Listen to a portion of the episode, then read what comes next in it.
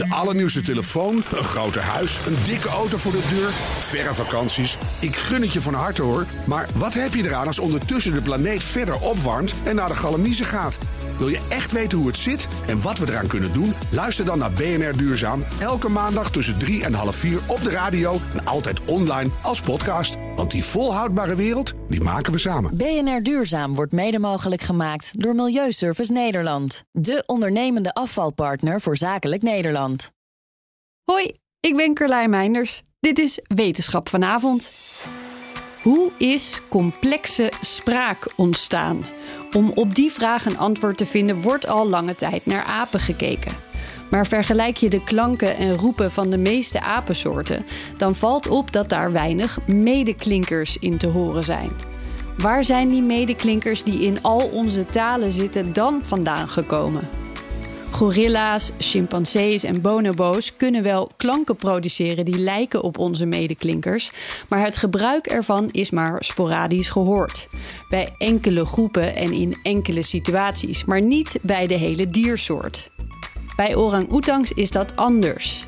Deze aapsoort gebruikt veel medeklinkerachtige geluiden om over van alles en nog wat te communiceren.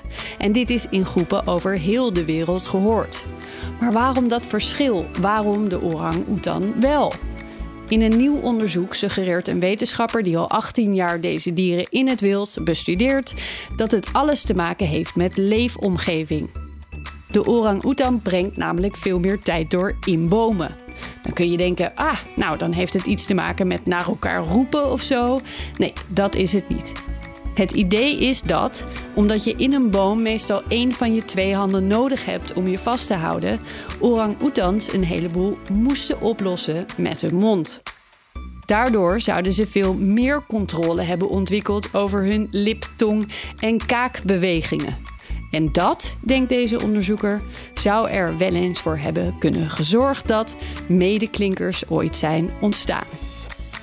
Is één minuutje wetenschap niet genoeg en wil je elke dag een wetenschapsnieuwtje? Abonneer je dan op Wetenschap vandaag.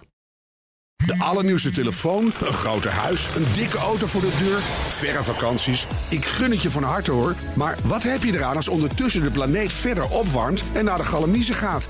Wil je echt weten hoe het zit en wat we eraan kunnen doen? Luister dan naar BNR Duurzaam. Elke maandag tussen 3 en half 4 op de radio en altijd online als podcast. Want die volhoudbare wereld, die maken we samen. BNR Duurzaam wordt mede mogelijk gemaakt door Milieuservice Nederland. De ondernemende afvalpartner voor zakelijk Nederland.